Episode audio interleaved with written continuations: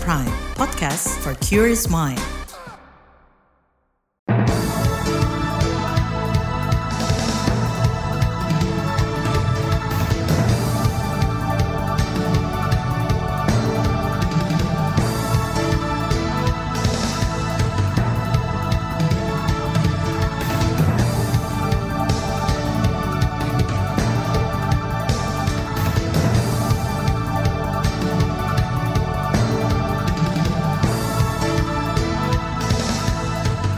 Selamat pagi saudara, senang sekali berjumpa kembali dalam program Buletin Pagi edisi Rabu 20 Desember 2023. Saya Naomi Liandra. Sejumlah informasi pilihan telah kami siapkan, di antaranya Bawaslu dan kepolisian diminta usut perusakan alat peraga kampanye APK. Pra-peradilan tersangka Firly Bahuri ditolak. BNPB ingatkan ancaman banjir dan longsor di Pulau Sumatera. Inilah Buletin Pagi selengkapnya terbaru di Buletin Pagi. Saudara Badan Pengawas Pemilu Bawaslu menyebut pelanggaran alat peraga kampanye APK baik berupa pemasangan maupun perusakan menjadi salah satu laporan terbanyak yang diterima. Komisioner Bawaslu Loli Suhenti mengingatkan ancaman pidana terkait perusakan APK. Sebab tindakan perusakan maupun penghilangan APK masuk kategori pidana dalam Undang-Undang tentang Pemilu hingga Kitab Undang-Undang Hukum Pidana KUHP soal APK ini kemudian muncul sahabat-sahabat juga sudah dengar misalnya ada yang menyatakan APK-nya dirusak. Sehingga dalam konteks ini Bawaslu tentu punya uh, kewajiban untuk mengingatkan seluruh peserta pemilu untuk tidak melakukan perusakan atau penghilangan APK karena itu potensinya pidana pemilu. Loli memastikan Bawaslu akan menindaklanjuti setiap laporan terkait perusakan APK bekerja sama dengan penegakan hukum terpadu Gakumdu yakni kepolisian.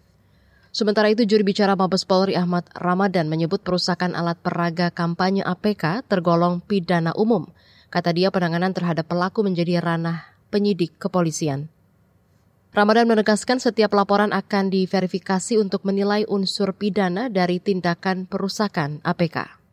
Kalau itu nanti masuk kategori pengerusakan ya, maka dia masuk dalam tindak pidana umum gitu. Cuma objeknya adalah alat peraga gitu. Tentu penanganan proses kasus tersebut oleh penyidik Polri gitu Mas. Tapi kalau ada kasus yang merupakan pelanggaran tindak pidana pemilu, misalnya ada seseorang yang bukan jadwalnya dia melaksanakan kampanye di luar jadwalnya itu, maka diprosesnya oleh Bawaslu. Jubir Mabes Polri Ahmad Ramadan menekankan pentingnya peran Gakumdu menangani ragam pelanggaran pemilu, terutama di ranah pidana. Menurutnya diperlukan sinergitas antara Bawaslu, kepolisian, dan kejaksaan penanganan kasus bisa optimal. Sebelumnya dalam masa kampanye pemilu yang sudah berjalan sekitar tiga pekan, marak laporan terkait perusakan APK di daerah. Perusakan terjadi pada banner, poster, spanduk, hingga baliho. Seperti laporan rusaknya sekitar 35 alat peraga kampanye APK di Kecamatan Tanah Jambo Aye, Kabupaten Aceh Utara, Aceh, pekan lalu. Ketua Panitia Pengawas Kecamatan Panwascam Tanah Jambo Aye, Herizal Puteh, mengatakan sebagian besar APK yang dirusak berada di jalan raya. Satu hari itu ada lima desa yang dilakukan uh, perusakan APK-nya terjam pokoknya ada uh, dini hari lah, di atas jam 3 malam gitu ada pihak yang melihat saat perusakan Afrika terakhir menggunakan mobil orang yang yang melakukan perusakan ini. Ketua Panitia Pengawas Kecamatan Tanah Jambu Ayah Aceh Utara Herizal Puteh sudah melaporkan temuan pelanggaran pemilu itu ke Panitia Pengawas Pemilu Panwaslu dan Polres Aceh Utara untuk diproses melalui sentra Gakumdu. Terkait perusakan alat peraga kampanye, juri bicara tim kampanye nasional TKN Prabowo Gibran Grace Natali meminta Bawaslu proaktif untuk menindak pelaku. Karena sulit kalau untuk diproses apalagi sampai dengan jalur hukum ya gitu. Paling tidak seperti itu, tapi kita akan tetap mematuhi aturan yang berlaku di Bawaslu, membuat laporan resmi dan sebagainya agar Bawaslu juga bisa menindaklanjuti. Itu tadi jubir TPN Prabowo Gibran Grace Natali. Dorongan serupa disampaikan tim pemenangan nasional TPN Ganjar Pranowo Mahfud MD. Deputi Hukum TPN Todung Mulia Lubis meminta Bawaslu menindak tegas pelaku yang mencopot sekitar 70 alat peraga kampanye APK Ganjar Mahfud di Banten. Sementara itu juri bicara Timnas Anis Muhaimin Amin Indra Harismiaji mengatakan bahwa tim kampanye daerah menerima sejumlah laporan terkait perusakan APK Amin di daerah Jakarta, Jawa Barat, Jawa Tengah, dan Jawa Timur. Kata dia, belum ada tindak lanjut konkret dari Bawaslu untuk mengusut dan menindak pelaku perusakan tersebut. Menanggapi maraknya perusakan APK, pengamat politik dari Indonesia Political Opinion, Dedi Kurniasyah menilai situasi tersebut dilematis. Sebab kata dia belum ada aturan yang rinci soal pemasangan APK membuat Bawaslu kesulitan mengidentifikasi perusakan dan menemukan pelakunya di lapangan satu-satunya cara sekaligus harapan adalah mengembalikan kepada penegak hukum dan tidak menggunakan aturan kampanye, tidak juga menggunakan uh, eh, PKPU misalnya. Yang perlu digunakan justru adalah aturan terkait dengan vandalisme. Karena itu uh, kepolisian harus menunjukkan diri bahwa mereka betul-betul berdiri di atas semua kontestan, di atas semua kandidat dan mereka tidak bisa kemudian mengabaikan hal-hal semacam ini. Jadi yang perlu didesak justru adalah penegak hukum, bukan Bawaslu. Pengamat politik Indonesia Political Opinion Dedi Kurniasya menambahkan peran Gakumdu terkait perusakan alat peraga kampanye APK harus diutamakan dengan dukungan dari Bawaslu. Sebab kata dia ada ancaman pidana dalam tindakan perusakan APK. Dedi juga mengingatkan pentingnya tindak lanjut dari Bawaslu dan Gakumdu untuk menyelesaikan laporan perusakan APK di masa kampanye. Tujuannya kata dia, untuk memastikan penyelenggaraan pemilu yang adil, damai, dan bebas dari kecurangan. Saudara pra peradilan Ketua KPK nonaktif Firly Bahuri ditolak Majelis Hakim. Tetaplah di Buletin Pagi KBR. You're listening to KBR Pride, podcast for curious mind. Enjoy!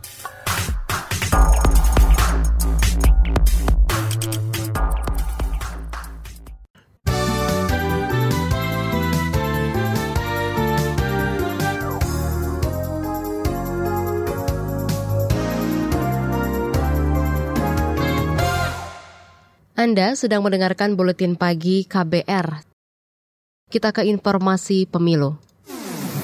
Kabar pemilu. Kabar pemilu. Presiden Joko Widodo menanggapi temuan transaksi janggal oleh Pusat Pelaporan dan Analisis Transaksi Keuangan PPATK yang berkaitan dengan dana kampanye pada pemilu 2024. Menurut Jokowi, semua transaksi yang melanggar aturan bisa diproses secara hukum. Ya semua yang ilegal dilihat saja. Kalau nggak sesuai dengan aturan ya pasti ada proses hukum. Sebelumnya Ketua PPATK Ivan Yustia Vandana mengakui adanya transaksi mencurigakan hingga triliunan rupiah di rekening peserta pemilu 2024. PPATK menemukan indikasi dana kampanye salah satunya bersumber dari tambang ilegal. Masih soal pemilu, Badan Pengawas Pemilu memastikan tidak ada pelanggaran pemilu dalam kampanye yang dilakukan cawapres nomor urut 2 Gibran Raka Buming Raka pada acara bebas kendaraan bermotor atau Car Free Day di Jakarta awal bulan ini. Koordinator Divisi Penanganan Pelanggaran Bawaslu Puwadi mengatakan laporan tidak memiliki cukup bukti sehingga tidak bisa diberikan sanksi. Setelah kita lakukan pemeriksaan, itu tidak bisa dibuktikan. Ada proses peribatan tersebut seperti tadi yang disampaikan oleh Pak Bagja, menyatakan bahwa tidak cukup kuat dalam peribatan anak-anak. Sehingga di status pelaporan, patut diduga kita menyampaikan, uh, seperti yang tadi disampaikan Pak Bagja, tidak memenuhi unsur pidana pemilu, sehingga bukan merupakan pelanggaran pidana pemilu. Itu tadi Koordinator Divisi Penanganan Pelanggaran Bawaslu, Puwadi. Sebelumnya Gibran Raka Buming dilaporkan karena diduga melibatkan anak-anak dan berkampanye di CFD dengan membagikan susu kepada masyarakat. Kita ke informasi hukum. Dewan Pengawas Komisi Pemberantasan Korupsi KPK hari ini akan menggelar sidang dugaan pelanggaran etik Ketua Nonaktif KPK Firly Bahuri. Juri bicara KPK Ali Fikri mengatakan belum menerima konfirmasi kehadiran Firly dalam sidang sesuai dengan peraturan dewas kan sidang dilakukan secara tertutup ya. Jadi tidak bisa diikuti oleh masyarakat atau media. Namun nanti di putusan hmm. akhir pasti akan dilakukan secara terbuka untuk dibacakan hasil seluruh proses persidangan etik. Itu tadi juri bicara KPK Ali Fikri. Sebelumnya tiga dugaan kasus Firly Bahuri yang dibawa ke sidang etik yakni menyangkut pertemuan dengan eksmentan Syahrul Yasin Limpo harta kekayaan yang tidak dilaporkan di LHKPN, dan penyewaan rumah di Kertanegara. Masih terkait hukum, Ex-pimpinan Komisi Pemberantasan Korupsi KPK periode 2010-2011 Busiro Mukodas berpendapat ditolaknya pra peradilan Firly Bahuri cukup tepat. Sebab kata dia putusan itu memenuhi rasa keadilan masyarakat. Itu mengembirakan. Mengapa? Demi kepastian hukum, moral keadilan, dan memenuhi hak-hak rakyat untuk bisa memperoleh rasa keadilan yang setara. Penolakan hakim untuk pra peradilan itu memenuhi rasa keadilan masyarakat. Ex-pimpinan KPK Busiro Mukodas juga berharap agar pihak kejaksaan bisa segera memeriksa berkas kasus Firly Bahuri agar ketua KPK nonaktif itu bisa segera ditahan. Sebelumnya kemarin Hakim Tunggal Pengadilan Negeri Jakarta Selatan Imelda Herawati menolak gugatan pra-peradilan yang diajukan Firly Bahuri terkait statusnya sebagai tersangka dalam kasus dugaan pemerasan terhadap ex-Menteri Pertanian Syahrul Yassin Limpo, SYL. Kita ke soal lain. Menteri Perdagangan Zulkifli Hasan mengklaim harga sejumlah bahan pokok di daerah tetap terjangkau jelang Nataru. Karena itu dia meminta masyarakat menghindari belanja berlebihan atau panic buying. Jadi menghadapi Nataru, Natal tahun baru ini kita tenang saja, e, masyarakat tidak usah memborong apa sembako karena barangnya banyak. Jadi biasa aja, seperti biasa. Ya, beras banyak, telur banyak, ayam banyak, minyak banyak, cabai sudah murah. Oke? Okay? Menteri Perdagangan Zulkifli Hasan mengatakan harga sejumlah kebutuhan pokok sudah mulai turun. Semisal harga cabai rawit merah sebelumnya Rp95.000 menjadi Rp70.000 per kilogram. Sementara untuk harga komoditas lain seperti beras dan minyak goreng masih terbilang stabil. Kita ke berita ekonomi. Menteri BUMN Erick Thohir menyebut penggabungan atau merger antara anak usaha PT Bank Tabungan Negara yakni BTN Syariah dan PT Bank Muamalat diperkirakan rampung pada Maret tahun depan. Erik mengatakan Kementerian BUMN sudah berdiskusi dengan Badan Pengelola Keuangan Haji atau BPKH dan Menteri Agama terkait peluang merger kedua bank tersebut. Kita kan sepakat Indonesia ini open market. Artinya apa? Ada investasi luar negeri, ada dari swasta, ada dari BUMN sebagai benteng ekonomi nasional, tapi perlindungan kepada UMKM harus terjadi. Keberpihakan harus terjadi. Nah, karena itu kita kemarin sudah diskusi dengan BPKH, Pak Menteri Agama, eh, mungkin nggak kita bersinergi antara Bank Muamalat dengan BTN Sari untuk menjadikan alternatif bank syariah yang besar. Itu tadi Menteri BUMN Erick Thohir.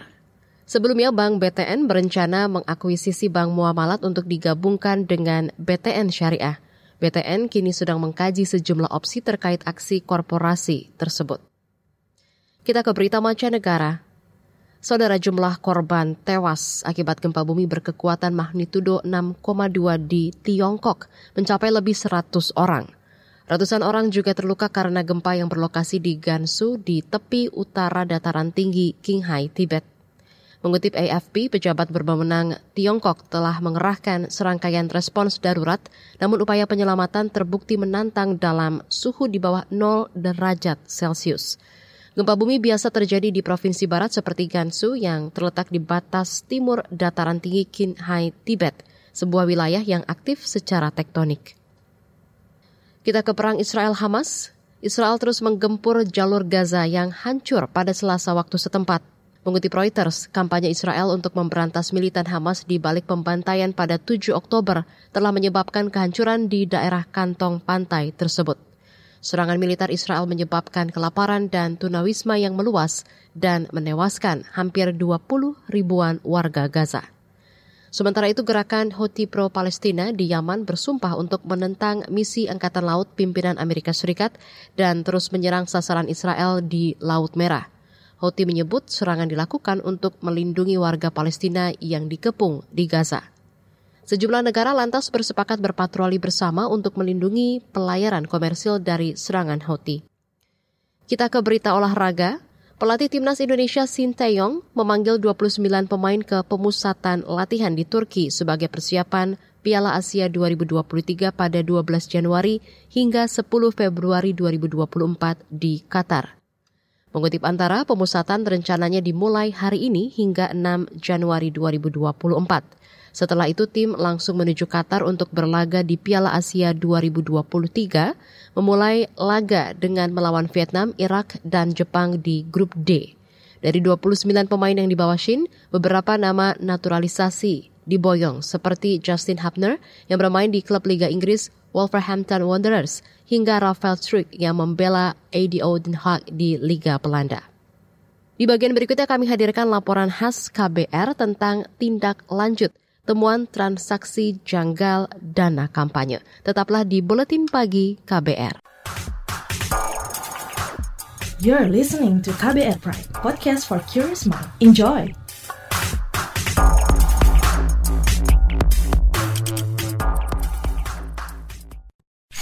Commercial break.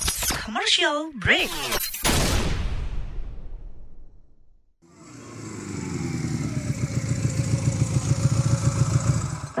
BC paket.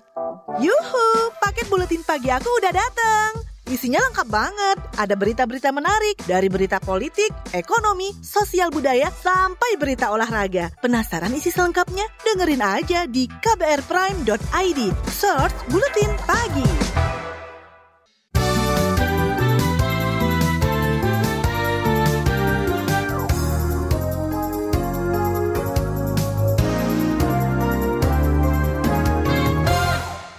Anda masih bersama kami di Buletin Pagi KBR.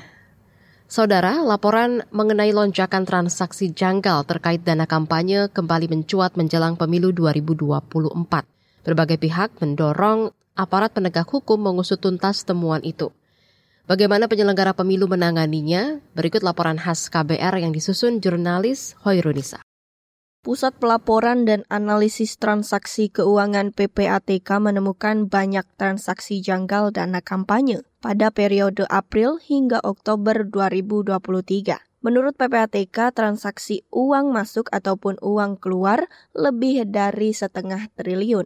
Juru bicara PPATK Nasir Kongah menyatakan PPATK telah menyerahkan analisis temuan itu ke penyelenggara pemilu menerima laporan, kemudian secara reaktif juga menyampaikan laporan hasil laporan kepada KPU dan tadi bila mana ada indi, uh, informasi uh, lebih lanjut yang dibutuhkan kita bisa segera sampaikan. Seperti itu. Jadi kita lebih proaktif lah ya karena ini untuk kepentingan kita sebagai bangsa negara agar kita terus lebih baik lah, lebih bagus ya. Juru bicara PPATK Natsir Konga membenarkan transaksi janggal dana kampanye itu itu salah satunya dari tambang ilegal. Komisi Pemilihan Umum KPU mengaku telah menerima surat laporan temuan dari PPATK pada 12 Desember lalu. Komisioner KPU Idham Holik mengatakan belum secara rinci mendapat laporan transaksi dari PPATK. Ketika PPATK menjelaskan tentang hasil pemantauan atas rekening bendahara parpol tersebut, PATK juga menyampaikan tentang potensi penggunaan uang untuk penggalangan suara yang akan merusak demokrasi Indonesia. Jadi sampai saat ini KPU juga belum mendapatkan informasi mengenai rincian dari transaksi tersebut. Apakah memang rincian ter, uh, transaksi tersebut menggunakan reken, uh, rekening partai politik atau rekening khusus dana kampanye? Idham mengatakan menyerahkan tindak lanjut temuan PPATK itu kepada Badan Pengawas Pemilu Bawaslu RI dan lembaga yang masuk dalam Sentra Penegakan Hukum Terpadu atau Sentra Gakumdu. Di lain pihak, Badan Pengawas Pemilu Bawaslu RI sedang mendalami laporan PPATK tersebut. Namun, Ketua Bawaslu RI Rahmat Bagja menegaskan surat itu bersifat rahasia dan tidak bisa jadi alat bukti. Kami sebutkan bahwa kami menerima surat laporan dari PPK kami menyebutkan juga bahwa dalam surat tersebut ada namanya disclaimer. Disclaimer itu menyebutkan bahwa data tidak boleh disampaikan kepada publik. Dua, data tersebut adalah data yang tidak bisa dijadikan alat bukti dalam hukum. Karena kami berkaitan dengan penegakan hukum ya, berkaitan dengan penegakan hukum pemilu, maka mau tidak mau itu dianggap sebagai informasi awal. Bakja mengatakan, jika ditemukan indikasi pelanggaran, maka Bawaslu akan melapor ke kepolisian dan kejaksaan. Sementara itu, Perkumpulan untuk Pemilu dan Demokrasi Perludem mendesak penyelenggara pemilu segera mengusut dan memastikan laporan temuan janggal dana kampanye dari PPATK. Peneliti Perludem Kahfi Adlan Hafiz mengatakan hingga kini belum ada tindakan serius dari KPU, Bawaslu, dan Gakumdu. Kavi meminta seluruh pihak duduk bersama menganalisis dan mendalami temuan transaksi janggal dana kampanye. Menurutnya, transaksi janggal dana kampanye juga pernah terjadi di pemilu 2019.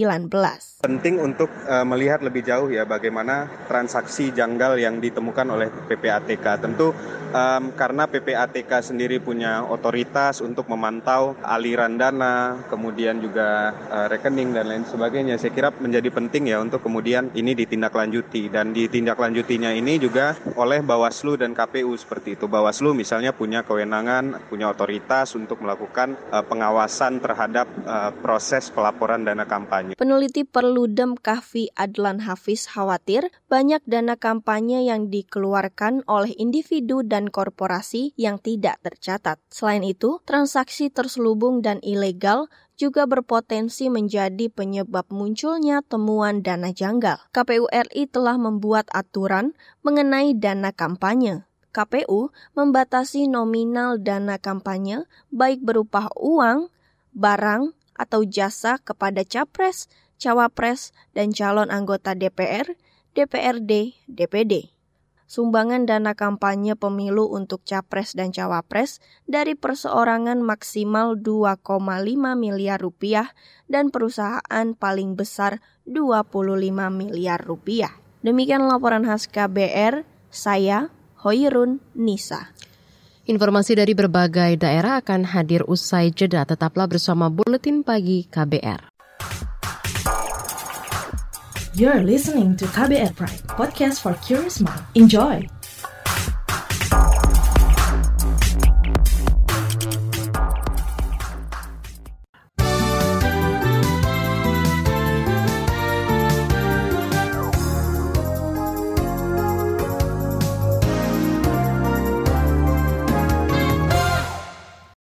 Inilah bagian akhir buletin pagi KBR.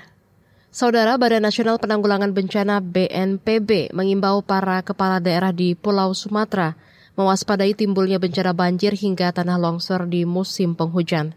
Juri bicara BNPB Abdul Muhari mengatakan fenomena gelombang ekuatorial Rosby masih membawa potensi peningkatan intensitas hujan di Aceh hingga Sumatera Barat.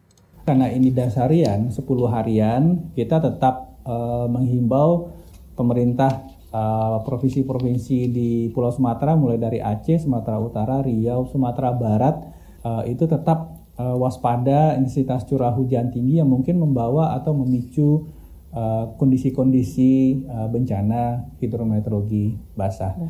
Juri bicara BNPB Abdul Muhari menambahkan pada sepekan terakhir ada 27 kejadian bencana banjir dan longsor. Dari jumlah tersebut, kata dia, dua orang mening meninggal akibat tanah longsor di Sumatera Barat.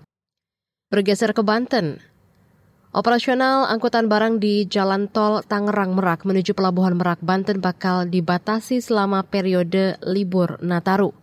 Kasubag Renops Korlantas Polri Bargani mengatakan aturan itu bertujuan meminimalisasi terjadinya kepadatan kendaraan di ruas tol. Sumbu tiga ke atas, tiga top.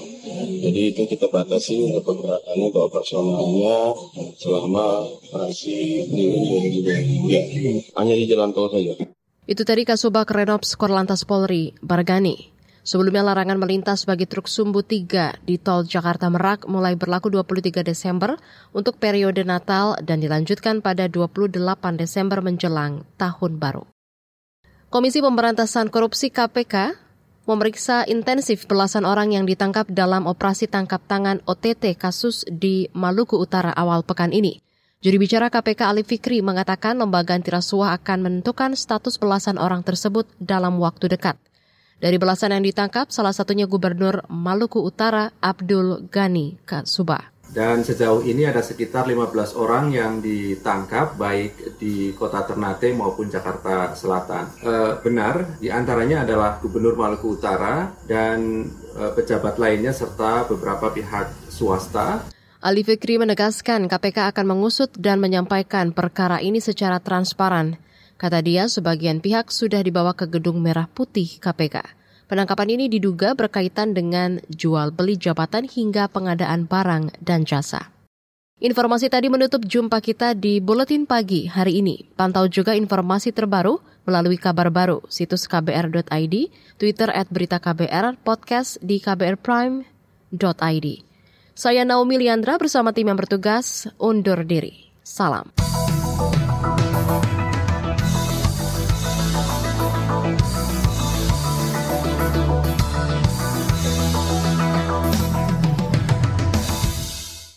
KBR Prime, cara asik mendengar berita. KBR Prime, podcast for curious mind.